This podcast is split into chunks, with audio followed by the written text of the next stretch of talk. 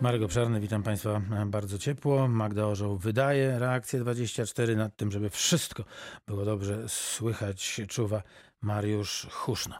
Proszę Państwa, dzisiaj spotykamy się z panią doktor Małgorzatą Szymczyk-Nóżką i z panem Pawłem e, Parusem. Najpierw e, pani doktor, która jest zastępczynią dyrektora Regionalnego Centrum Krwiodawstwa i Krwiolecznictwa we Wrocławiu do spraw medycznych. Dzień dobry pani doktor. Dzień dobry, witam serdecznie. No tak jak wczoraj pani zapowiadała, dzisiaj rano zapadły niezwykle ważne decyzje związane z donacjami e, krwi w terenach e, przygranicznych i nie tylko. Słuchamy. E, Przede wszystkim właśnie dotyczy to osób, które powracają z innych krajów, szczególnie tutaj dotyczy właśnie krajów Unii Europejskiej. Mieliśmy właśnie taką informację od jednego z słuchaczy, że e, no, przybywał w Czechach i pracuje praktycznie w Czechach, więc za chwileczkę praktycznie będzie zmiana przepisów i faktycznie te osoby, które przebywają czasowo, pracują właśnie w tych krajach, które do tej pory miały tą kwarantannę dziesięciodniową, za chwileczkę to się zmieni, będzie już bez kwarantanny praktycznie możliwość oddawania krwi i składników. A za chwileczkę, czyli można rzec, że od poniedziałku? Mam nadzieję, że właśnie od poniedziałku praktycznie, oczywiście poinformujemy tutaj Państwa też na stronie internetowej każdego Centrum Krwiodawstwa będą takie informacje, e, więc to jest dobra wiadomość dla wszystkich osób, które właśnie powracają z różnych krajów. E, Pani doktor, to mm, dwa słowa jeszcze o donacji od e, tych, którzy przeszli COVID-19. Chodzi oczywiście o osocze. Oczywiście tutaj zachęcamy wszystkie osoby do kontaktu telefonicznego albo mailowego Państwa mail, specjalny telefon, więc nie tylko w naszym Centrum Krwiodawstwa, ale wszystkich centrach krwiodawstwa w Polsce e, czekamy na ozdrowieńców. Wygląda ta procedura tak, że Państwo się najpierw zgłaszacie właśnie mailowo, telefonicznie. E, Wywiad jest przeprowadzony przez telefon e, z lekarzem i wtedy ustalamy, czy ta osoba może oddać i ustalamy termin takiego oddania. To osocze wydawane jest codziennie w zwiększonej praktycznie ilości, więc bardzo jest potrzebne, bo zawiera cenne przeciwciała przeciwko COVID-19. E, I dwa pytania, które po naszych rozmowach się pojawiły, mianowicie pytają mamy, czy mogą e, oddawać osocze i krew, ponieważ pojawiła się informacja, że żeby dokonać takiej donacji, e, trzeba na własny koszt i własnym staraniem e, przeprowadzić badania, które kosztują 1000 złotych. Absolutnie nie. E, Też e, kobiety, które były po ciąży albo osoby po transfuzji zgłaszają się do danego centrum krwiodawstwa. Najpierw właśnie ustalamy, czy ta osoba może w ogóle zostać krwiodawcą i te badania właśnie, o których mówi pan redaktor, czyli badania przeciwko, e, przeciwciała przeciwko leukocytom, robione są w ramach tutaj centrum krwiodawstwa, więc wszystkie osoby, które niezależnie czy są to kobiety właśnie po ciąży, czy też osoby po transfuzji, wszyscy ozdrowieńcy mogą się zgłosić, my to wszystko weryfikujemy, żadnych dodatkowych badań nie trzeba robić. Pojawiają się też informacje, że żeby móc oddać osocze, no, trzeba e, znać poziom przeciwciał i takie badanie również e, na własny koszt i własnym staraniem e, powinien pacjent przeprowadzić.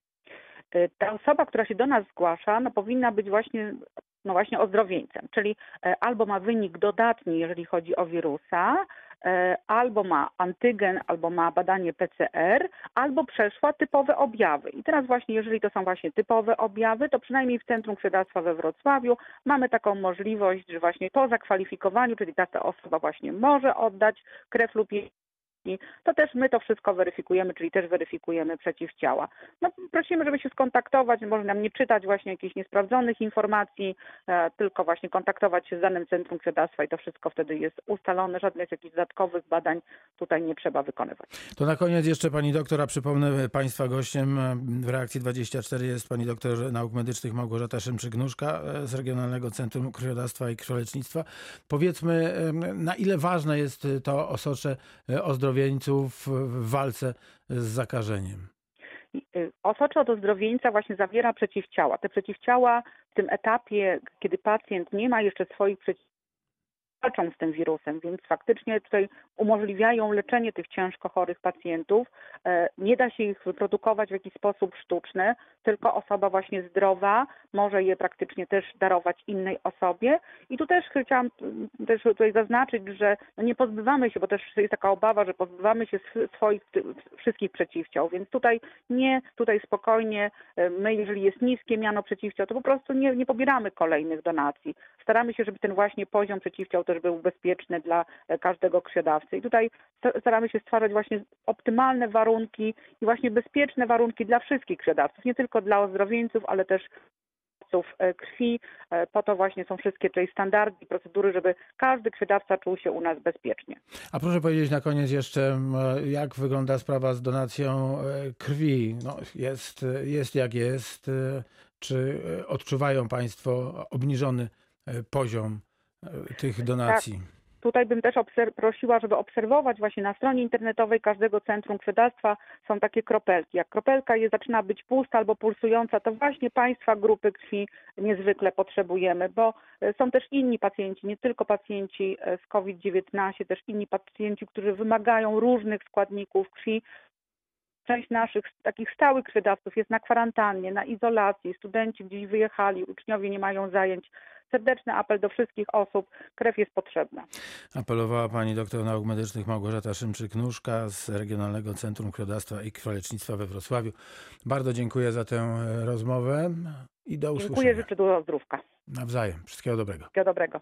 Numer do reakcji 24 niezmienny 71 391 0000. Mogą Państwo z nami rozmawiać od poniedziałku do piątku między 12 a 13 na antenie Radia Wrocław, ale jeśli Państwo w innym dniu albo w innym czasie chcieliby przekazać e, swoją sprawę, żebyśmy wspólnie e, ją załatwiali, to bardzo proszę, proszę do nas e, telefonować. E, Wszystko się nagra, a nasi reporterzy, jeśli e, będzie trzeba, natychmiast e, zajmą się sprawą. A jeśli to są e, rzeczy, które mogą poczekać na rozmowy z naszymi ekspertami, to grupujemy do, do odpowiednich, nazwijmy je przegródek, zapraszamy e, naszych ekspertów, no i oni wtedy odpowiadają i rozwiewają Państwa wątpliwości. Pomyśleliśmy sobie w Radiu Wrocław, żeby w tych e, trudnych dla nas wszystkich e, czasach e, środy w reakcji 24 były poświęcone tym, którzy pomagają, w ogóle szeroko rozumianemu pomaganiu wzajemnemu, takiej naszej fantastycznej, wspaniałej międzyludzkiej solidarności. W związku z tym bardzo też Państwa proszę o to, żeby jeśli mają Państwo taką potrzebę i ochotę telefonować i mówić o tym, że może ktoś Państwu pomógł, może zachował się naprawdę fantastycznie i warto o tym wszystkim powiedzieć, żebyśmy się lepiej e, poczuli. Więc e, bardzo będę wdzięczny, jeśli Państwo takie świadectwa zechcą nam e, przekazać. 71 391 00 00. A dzisiejszym Państwa gościem jest Pan Paweł Parus, pełnomocnik Marszałka Województwa Dolnośląskiego do spraw osób niepełnosprawnych. No i właśnie od e, osób niepełnosprawnych, od ich problemów e, chcielibyśmy te środowe spotkania zacząć, bo podejrzewam, e, że właśnie osobom niepełnosprawnym żyje się o wiele, wiele trudniej niż żyło się w czasach przed pandemią. Panie Pawle, dobrze myślę? Dzień dobry, bardzo mi miło, dziękuję za zaproszenie. Tak, e, dobrze pan myśli, panie Marku. No na pewno takim osobom żyje się szczególnie trudno. Przede wszystkim dlatego, że osoby e, z niepełnosprawnościami e, na co dzień bardzo potrzebują innych ludzi, czasami także do pomocy. Bardzo istotne jest także to, że ten element integracji został zaburzony.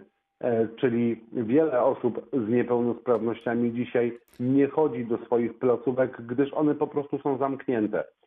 Już pomijam, albo w zasadzie nie pomijam, bo powiem o tym, y, jak trudna sytuacja jest w domach opieki społecznej, które są od bardzo wielu miesięcy bardzo skrzętnie zamknięte i tam w zasadzie w ogóle nie można ani pójść w odwiedziny, ani taka osoba nie może skorzystać z życia, które jest poza e, DPS-em.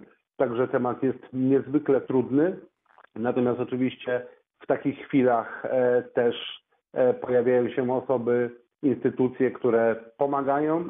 E, No i co ważne, także samo środowisko osób z niepełnosprawnościami, przede wszystkim organizacje pozarządowe, które takimi osobami się zajmują, dzisiaj są niezwykle pomocne właśnie e, w tych kwestiach, żeby takie osoby nie były same, żeby można było im jakoś pomóc i przede wszystkim, żeby czuły się że nie przechodzą przez tą epidemię samotnie. E, Pan, panie Pawle, e, na to wszystko spogląda e, z poziomu wózka. Jest pan, jest pan wózkersem po, po wypadku. Wcześniej e, był pan sportowcem, koszykarzem. E, Teraz o tym pewnie też porozmawiamy. E, Bardzo mocno jest pan zaangażowany w życie sp- sportowe e, Dolnego Śląska i nie tylko to sportowe e, życie osób niepełnosprawnych. E, Proszę, proszę mi powiedzieć, e, e, w paru zdaniach, jak, jak się panu udało zebrać siły e, i być nadal aktywnym? No bo przecież to nieprawdopodobna sytuacja, kiedy z czynnego e, sportowca e, jest się, jest się wózkersem, jak mówił o tym świętej pamięci Bartłomiej Skrzyński. E, Myślę, że to 20 lat doświadczenia, które mam za sobą, jeżeli chodzi o tą drogę, o to przejście z osoby pełnosprawnej, ze sportowca faktycznie, który wyczynowo grał w koszykówkę, do roli osoby z niepełnosprawnością, nie jest łatwe, ale też e, na przykładzie e, bardzo wielu e, moich przyjaciół, koleżanek i kolegów, także oczywiście Bartka Skrzyńskiego, którego tu e, no, naprawdę w głębi serca zawsze wspominamy i myślę, że zresztą on zawsze żyje w nas i będzie żył, e, dlatego że Bartek był tak niezwykłą osobowością, która także pokazywała e, ten pozytywny wizerunek osoby z niepełnosprawnością. A jaka jest na to recepta? Wydaje mi się, że e, ja po prostu zawsze byłem optymistą i gdzieś w obliczu bardzo wielu różnych e, złych rzeczy, które gdzieś spotykałem po drodze, także jeżeli chodzi o swój stan zdrowia, potrafiłem się skupić na tym, co mogę, na tym, e, do czego jestem w tej chwili e, predysponowany. Nie skupiałem się na tych deficytach, czyli na tym, co właśnie mi odebrano, odebrał los, co się stało takiego, że ja już nie mogę pewnych rzeczy wykonywać, lecz zawsze skupiałem się na tym, co mogę. E, I tak wybór ponownych studiów, i tak między innymi stworzenie klubu kibiców niepełnosprawnych w moim życiu i także pięć lat temu podjęcie e, pracy w Urzędzie Marszałkowskim Województwa Dolnośląskiego, gdzie po prostu mogę swoim doświadczeniem już pomagać innym ludziom. E, Natomiast przede wszystkim ważne jest to, żeby potrafić w tym wszystkim zrozumieć, że niepełnosprawność to nie jest koniec świata i na pewno niepełnosprawność nie jest żadną barierą w tym, żeby realizować pasje i marzenia. Dzisiaj nie tylko ja, ale bardzo wiele osób to rozumie i wie.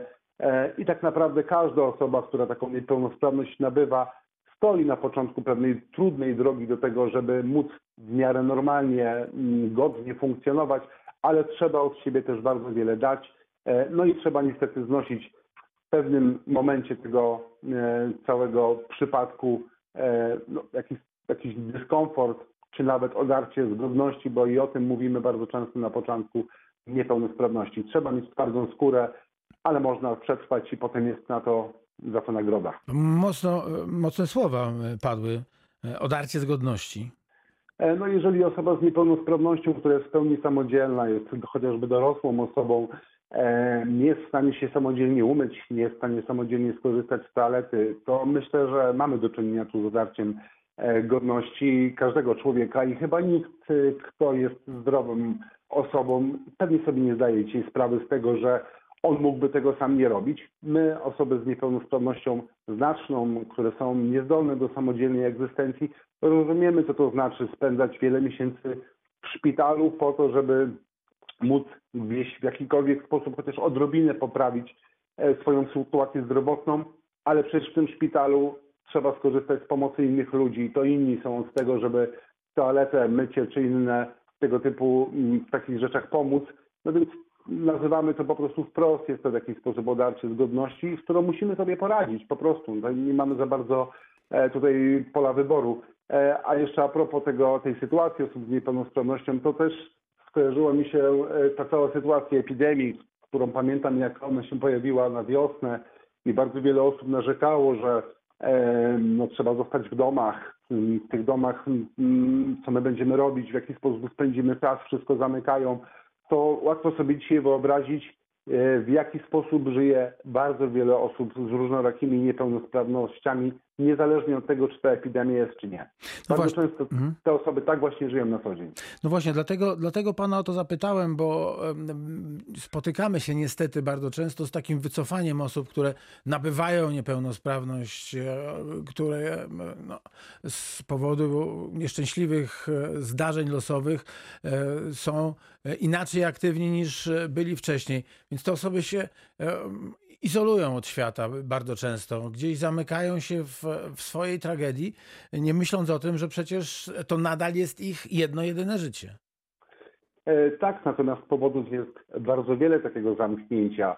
Jeszcze kilkanaście lat temu e, no to była też, albo przede wszystkim infrastruktura.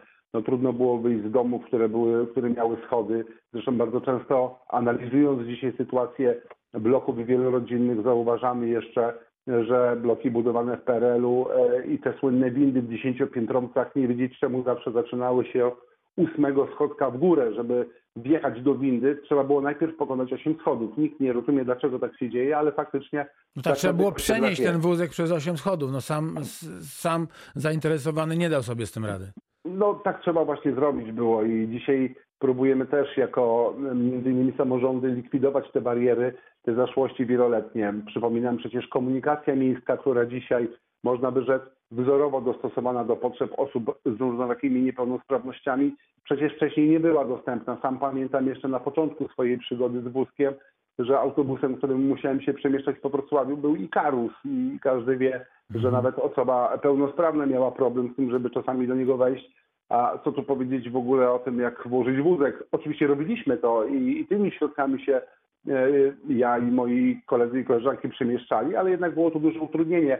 Oczywiście także świadomość i to, że w przestrzeni publicznej takich osób było bardzo mało, powodowało, że społeczeństwo nie rozumiało potrzeb tych ludzi, nie potrafiło zrozumieć, że takie osoby mają pełne prawo do tego, żeby normalnie funkcjonować i żyć. Teraz, kiedy mamy zupełnie inną sytuację i takie osoby w tej przestrzeni publicznej się pojawiły, bardzo często zajmują się, czy zajmują różne funkcje w organizacjach, które właśnie działają na rzecz osób z niepełnosprawnościami, co sprawia, że same kształtują los tych osób z niepełnosprawnością, mają na, nie, na niego realny wpływ, to dzisiaj ten świat faktycznie bardzo się zmienia. E, Sam zauważam, że e, podobnie jest zresztą w samorządzie województwa dolnośląskiego, ale także w innych samorządach bardzo wiele konkursów, działań jest konsultowanych ze środowiskiem i dzisiaj mamy do czynienia już całym pakietem i całym obszarem wsparcia osób z niepełnosprawnościami, dzięki, którym, dzięki któremu wsparciu to właśnie te osoby mogą już godniej żyć, lepiej funkcjonować, e, otwiera się dla nich świat, łatwiej o podróże, o spotkania, o różnego rodzaju akcje, w których uczestniczą. No i dzisiaj widać te osoby nie tylko w przestrzeni publicznej, ale także w pracy, co bardzo ważne.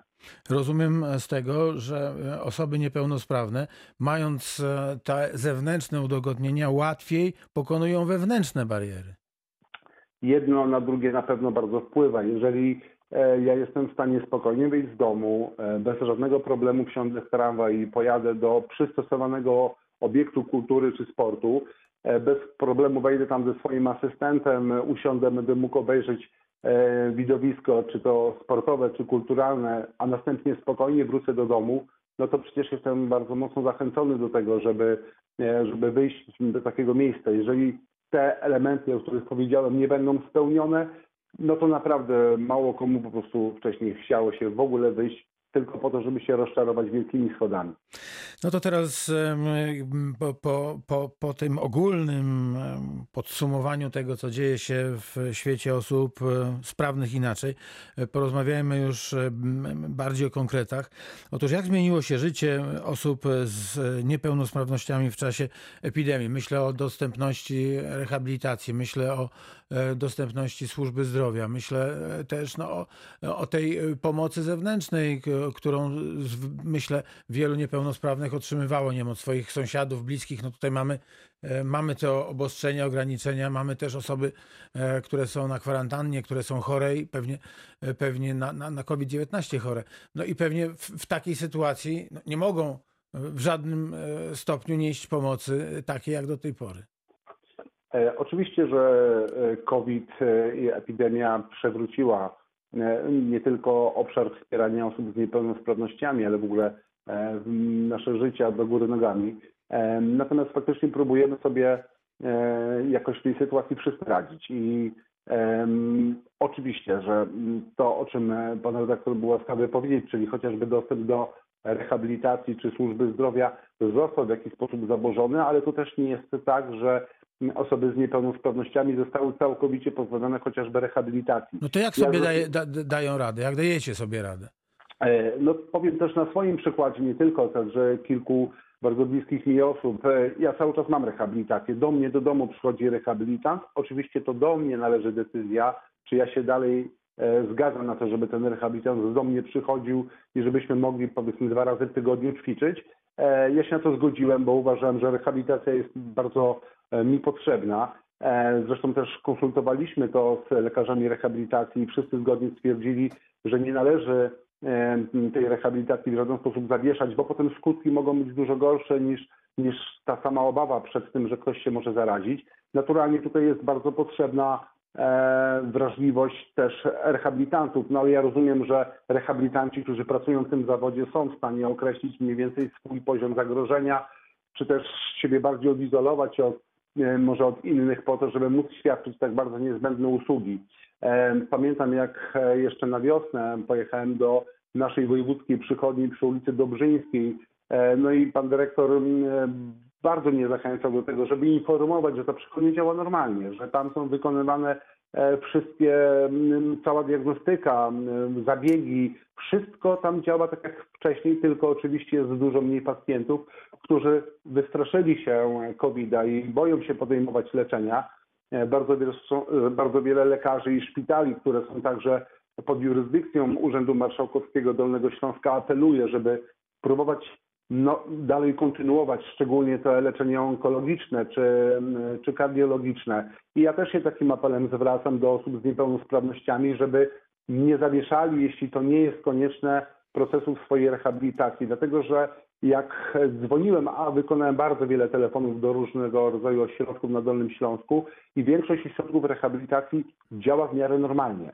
Próbuje sobie mm, gdzieś radzić z tymi problemami kadrowymi, e, więc y, po prostu trzeba z tego korzystać. Nie wolno tego zawieszać tylko dlatego, że ktoś w telewizji usłyszy, że jest problem, bo jest COVID. To nie wystarczy. Trzeba troszeczkę przeanalizować swoją sytuację i jeśli jest taka możliwość, to dalej się rehabilitować.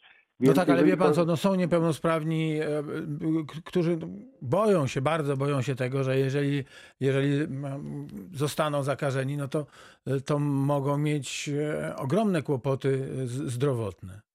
E, No, ja rozumiem tą obawę, ta obawa jest w każdym z nas. Ją trzeba po prostu w taki sposób pokonać. E, Wydaje mi się, że ograniczenie codziennego naszego funkcjonowania jest już i tak e, bardzo dużym ciężarem dla wielu osób. Natomiast muszę powiedzieć, nie jestem absolutnie wirusologiem, nie chciałbym się na temat wypowiadać, ale no, przecież znam też swój organizm, rozmawiałem z lekarzami a propos tej sytuacji, która teraz panuje. Bardzo wiele osób z niepełnosprawnościami, które gdzieś wokół mnie funkcjonuje i żyje, już przeszło covid już ma to za sobą e, i też nie zauważamy tego, żeby akurat w środowisku osób na przykład z dysfunkcjami ruchu przebieg tej choroby był znacząco inny niż w pozostałych przypadkach. To nie jest do końca prawdą. E, Pewne inne schorzenia, obciążenia są tutaj bardziej wyraźne. Wiek ewidentnie wskazuje na to, że tutaj jest większe zagrożenie. Natomiast to absolutnie nie oznacza, żeby nikt mnie nie zrozumiał, że należy lekceważyć to, co się dzieje. Natomiast należy do tego podejść z pewnym rozsądkiem. Jeżeli em, moja rehabilitacja polega na tym, że przyjdzie do mnie rehabilitant, który obsługuje łącznie 4 czy 5 osób, e, to wydaje mi się, że to zagrożenie i tak jest dość minimalne tym, żeby akurat tą drogą się zarazić, tym bardziej, że rehabilitanci także przychodzą e, w, osiem, w tych wszystkich ochronnych, ochronnej odzieży, maskach, e, przyłbicach i fartuchach, e, co też oczywiście znacząco zmniejsza tą możliwość zarażenia. W moim odczuciu powinno się dalej tą rehabilitację jednak e, stosować. Państwa gościem w Reakcji 24 jest pan Paweł Parus, pełnomocnik marszałka województwa dolnośląskiego do spraw osób niepełnosprawnych. Jeśli państwo chcą e, porozmawiać e, z panem Pawłem, to bardzo proszę 71 391 00 na 00. Jeśli państwo chcą się podzielić swoimi spostrzeżeniami dotyczącymi takiej samopomocy w państwa środowisku, to bardzo proszę proszę również e, telefonować. Jesteśmy oczywiście otwarci na rozmowę z Państwem i zawsze jak to w reakcji 24 bywa, to osoby, które dzwonią e, mają pierwszeństwo, więc będziemy e, przerywać z Panem Pawłem naszą rozmowę, żeby jeśli Państwo zadzwonią, Państwa wysłuchać. Apeluje Pan o to, żeby nie przerywać rehabilitacji. Natomiast czy wszyscy mają szansę na to, żeby właśnie tej rehabilitacji nie, nie, nie przerwać? E, tego, Chodzi co- mi o to, o- o dostępność do, do, do, do rehabilitantów, do, do może sal gimnastycznych, do, do sprzętu, który, e, który w bardzo wielu przypadkach jest, jest potrzebny, a znajduje się no właśnie w, w, w obiektach, e, w których rehabilitacja jest prowadzona i trudno e, ten sprzęt przewieźć do, do domu potrzebującego czy potrzebujących. e, To jest też Wręcz niemożliwe. Jasne. Oczywiście, że z pewnego sprzętu nie skorzystamy domowo, natomiast jeżeli mamy całkowicie zaniechać rehabilitacji, to lepiej tą drogą dalej chociaż w jakiekolwiek, jakiekolwiek ćwiczenia e, prowadzić, niż w ogóle nich zaniechać. Natomiast jeżeli chodzi o, o kwestię dostępności tej rehabilitacji, to po wprowadzeniu chociażby ustawy o tym, że osoby ze stopniem znacznym niepełnosprawności mają pierwszeństwo w dostępie, no dzisiaj zauważam, że w zasadzie e, kłopot z tym dostępem do rehabilitacji, mogę powiedzieć, w tym środowisku akurat się znacząco zmniejszył i bardzo wiele osób dostaje mm, ten limit 80 godzin rocznie rehabilitacji może z niego śmiało korzystać. To jest bardzo dobrym akurat tutaj rozwiązaniem mm, dla potrzeb tych osób. Natomiast e, trudno jest mi powiedzieć, ja nie jestem w stanie absolutnie op- opowiedzieć się za wszystkie ośrodki na Dolnym Śląsku, czy, czy któreś nie ograniczyły swojej działalności. Z pewnością tak jest, bo, bo pewnie kadra także boryka się z problemem covidowym. Natomiast jeśli jest to możliwe, to kontynuujmy ją. I na tym myślę, że żebyśmy zakończyli tą akurat dywagację, bo, bo też trzeba by w zasadzie zweryfikować wszystkie ośrodki rehabilitacyjne. Wiem, że te kluczowe we Wrocławiu e, i w okolicach Wrocławia, bo akurat do nich też dzwoniłem, działają prawie normalnie. Paweł Parus, pełnomocnik marszałka województwa dolnośląskiego do spraw osób niepełnosprawnych. E, Z, z jakimi sprawami e, można się do Pana zgłosić? Jaką pomoc mogą uzyskać e, niepełnosprawni od Pana? E, W zasadzie Urząd Marszałkowski Województwa Dolnośląskiego zajmuje się organizacjami czy instytucjami, które działają na rzecz osób z niepełnosprawnościami. I mógłbym powiedzieć, że e, nie jestem osobą do takiego pierwszego kontaktu dla osób prywatnych, nazwijmy, które dzwonią w różnych kwestiach, dlatego że od takiej pomocy są gminy. Ale ja oczywiście, że absolutnie nigdy nie uchylam się od tego, żeby podzielić się swoim doświadczeniem, czy też swoją wiedzą na temat tego, jak działają, jak działa wsparcie chociażby w samorządach niższego szczebla, czyli tych gminnych i, i powiatowych.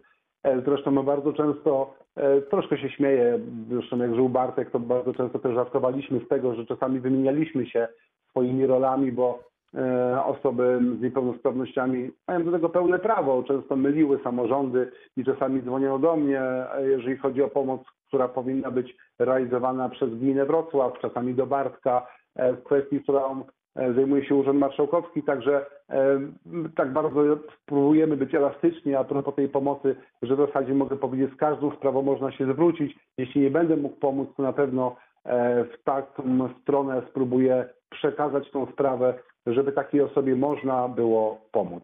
To no tak- oczywiście, tak? mhm, proszę mówić. Nie, nie, nie, to, to, to, to proszę skończyć wypowiedź, bo E, kolejny wątek mam gdzieś w zanadrzu. E, Tak, no my jako Urząd Marszałkowski zwykle obsługujemy zakłady, czy zawsze obsługujemy zakłady aktywności zawodowej, współpracujemy z organizacjami pozarządowymi, e, przekazujemy środki na e, chociażby remonty obiektów służących rehabilitacji.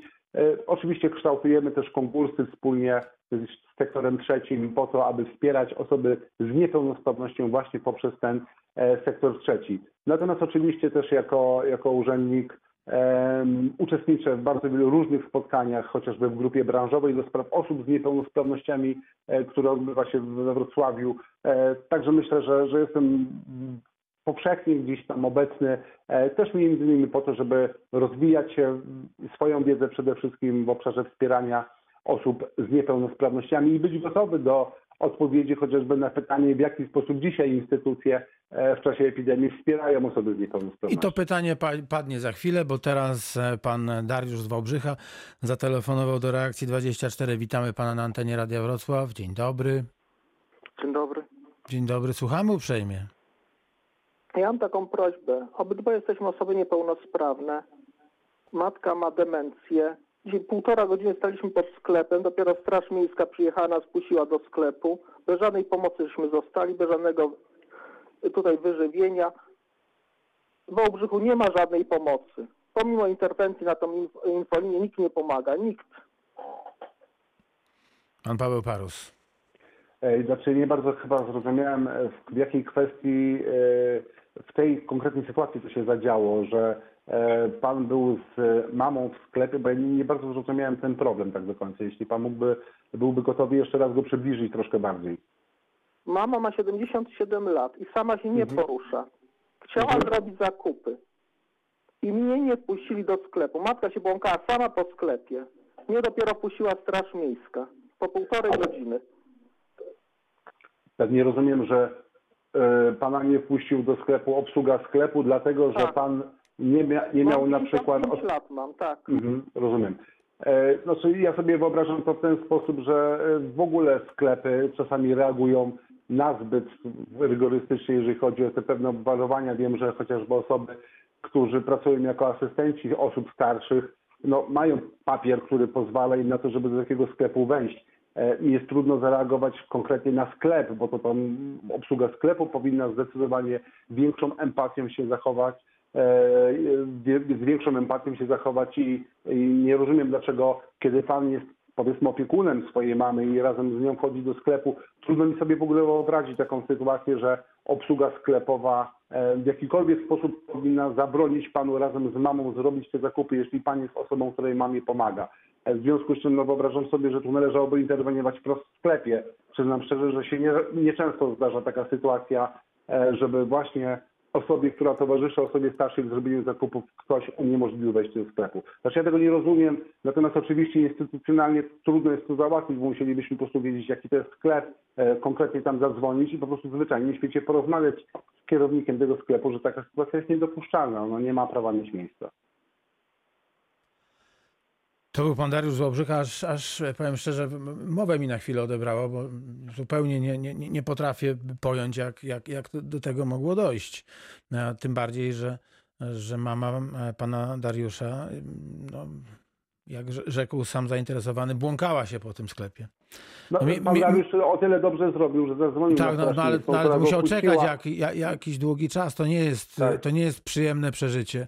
Oczywiście, że nie. No, Natomiast to, to, Panie Marku, też wiemy bardzo No. dobrze, że chociażbyśmy nie wiem, jak czasami sformułowali prawo, i jak bardzo regulaminy były stworzone i sprzyjały e, jakiejkolwiek grupie, która wymaga pomocy, no to czasami bariera jest po prostu zwykle w człowieku, który tego nie rozumie i jeżeli ktoś stoi, jest to przykładowo ochroniarz, który się po prostu upiera, nie rozumiejąc tej sytuacji, że taka osoba i jej syn, który jest jej opiekunem, razem robią zakupy i czy ktoś tego nie rozumie, no to ja trudno mi sobie wyobrazić, co jeszcze trzeba by zrobić. No trzeba tą konkretną osobę po prostu zwyczajnie w świecie wyposażyć w wiedzę. Nie, nie mam innego pomysłu. Magda Orzeł, która jest wydawcą Reakcji 24, właśnie mnie poinformowała, że wszystkie dane od pana Darka zostały mm, przekazane do naszego studia, do studia Radia Wrocław w Wałbrzychu.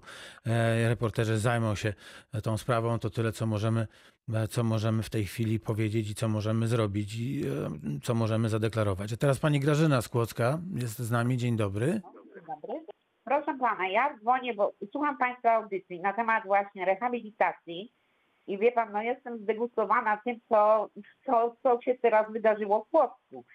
Więc dostałam pism, e, e, w 2019 roku, 26, lo, e, 26 lutego 2019 roku zostałam zapisana na świadczenia rehabilitacyjne w tak zwanym ośrodku rehabilitacji dziennej. Teraz otrzymałam pismo y, z, tego, z tego, od tego świadczeniodawcy, który niestety twierdzi, że nie może wykonywać z uwagi na to, że y, nie podpisał umowy z Narodowym Funduszem. Dzisiaj rozmawiałam z NFZ-em i wie pan co, i w całej okolicy, w całej okolicy nie ma ośrodka właśnie takiego oddziału dziennego rehabilitacji, z którego bym mogła skorzystać. NFZ zaproponował mi tylko y, Wrocław. Moje pytanie Mhm. brzmi, wierzymy, a gdzie Krym? No Ja tak, nie mam- jeździć z Kłodzka do Wrocławia na rehabilitację to, No To- dokładnie. to trochę mija się z celem.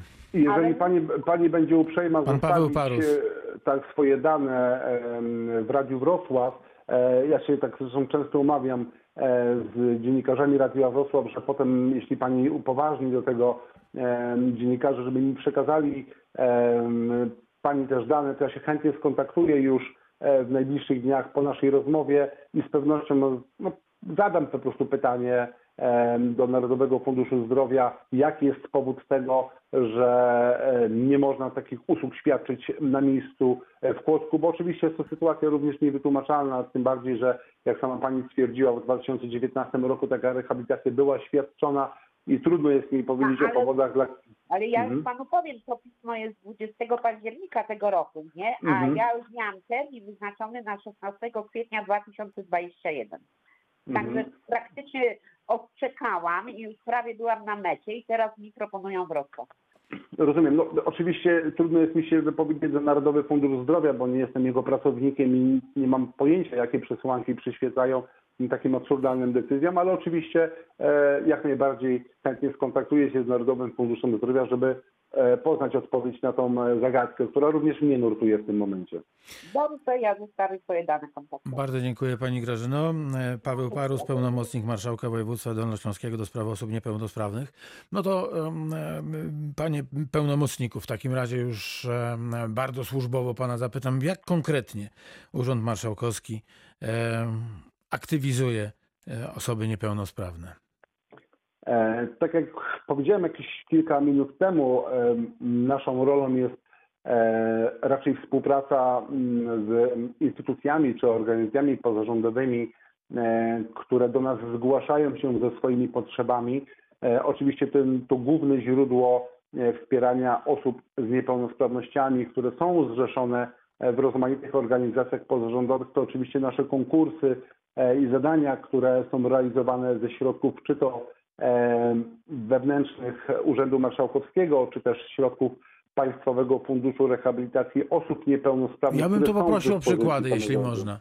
Oczywiście, no chociażby mieliśmy konkurs na usługi asystente, asystenckie i opiekuńcze, e, który był w roku 2019. To był e, projekt dwuletni tutaj wszystkie środki samorządu województwa, e, przepraszam, w tym roku, na początku tego roku oczywiście on ruszył, jest dwuletni, czyli na lata 2020 i na lata 2021 e, i kwotą milion 600 tysięcy złotych e, podzieliliśmy ją równo na cztery subregiony mm, na Dolnym Śląsku, e, dzięki czemu e, kilka fundacji, to jest Fundacja Przystań w Ścinawie, to jest Stowarzyszenie Przyjaciół i Rodziców Osób Niepełnosprawnych Równe Szanse, jest to Fundacja Eudejmonia, Legnickie Centrum Rozwoju, Polski Związek Niewidomy, Okręg Dolnośląski, e, Fundacja Manufaktura Inicjatyw i wreszcie Fundacja Imago i te organizacje w wyniku tego konkursu e, świadczą usługi asystenckie i opieki wytchnieniowej e, właśnie z naszych środków przez dwa lata na terenie województwa.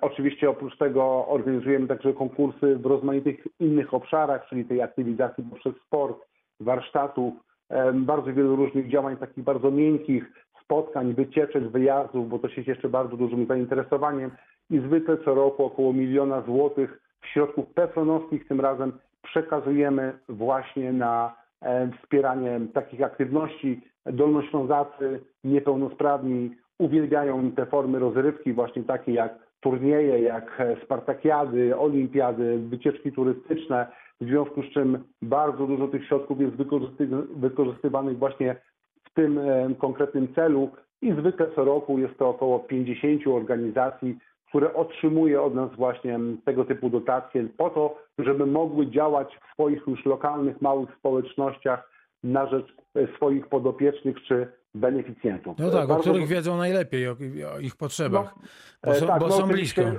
Tak, my oczywiście konstruując konkursy mamy taki zwyczaj zawsze, że konsultujemy te zadania z organizacjami pozarządowymi. Nie chcemy narzucać zadań, które potem okażą się e, no, zbyteczne, na które nie będzie zapotrzebowania, więc najpierw zbieramy e, dane od organizacji pozarządowych, z którymi współpracujemy, to jest kilkaset organizacji, co by chciały robić, e, jakie widzą potrzeby, a następnie wybieramy właśnie te najbardziej popularne zadania po to, aby przekazać środki na ich realizację. Bardzo ważnym też elementem, który no, niezbyt często się pojawia w działaniach innych samorządów, jest to, że Urząd Marszałkowski wspiera e, remonty obiektów służących rehabilitacji społeczno-zawodowej, e, więc innymi słowy dofinansowuje remonty, dzięki którym budynki mogą się wyposażyć windy, podjazdy czy inne udogodnienia po to, żeby te właśnie stare obiekty, w których czasami na przykład siedziby mają różne organizacje pozarządowe, mogły się unowocześniać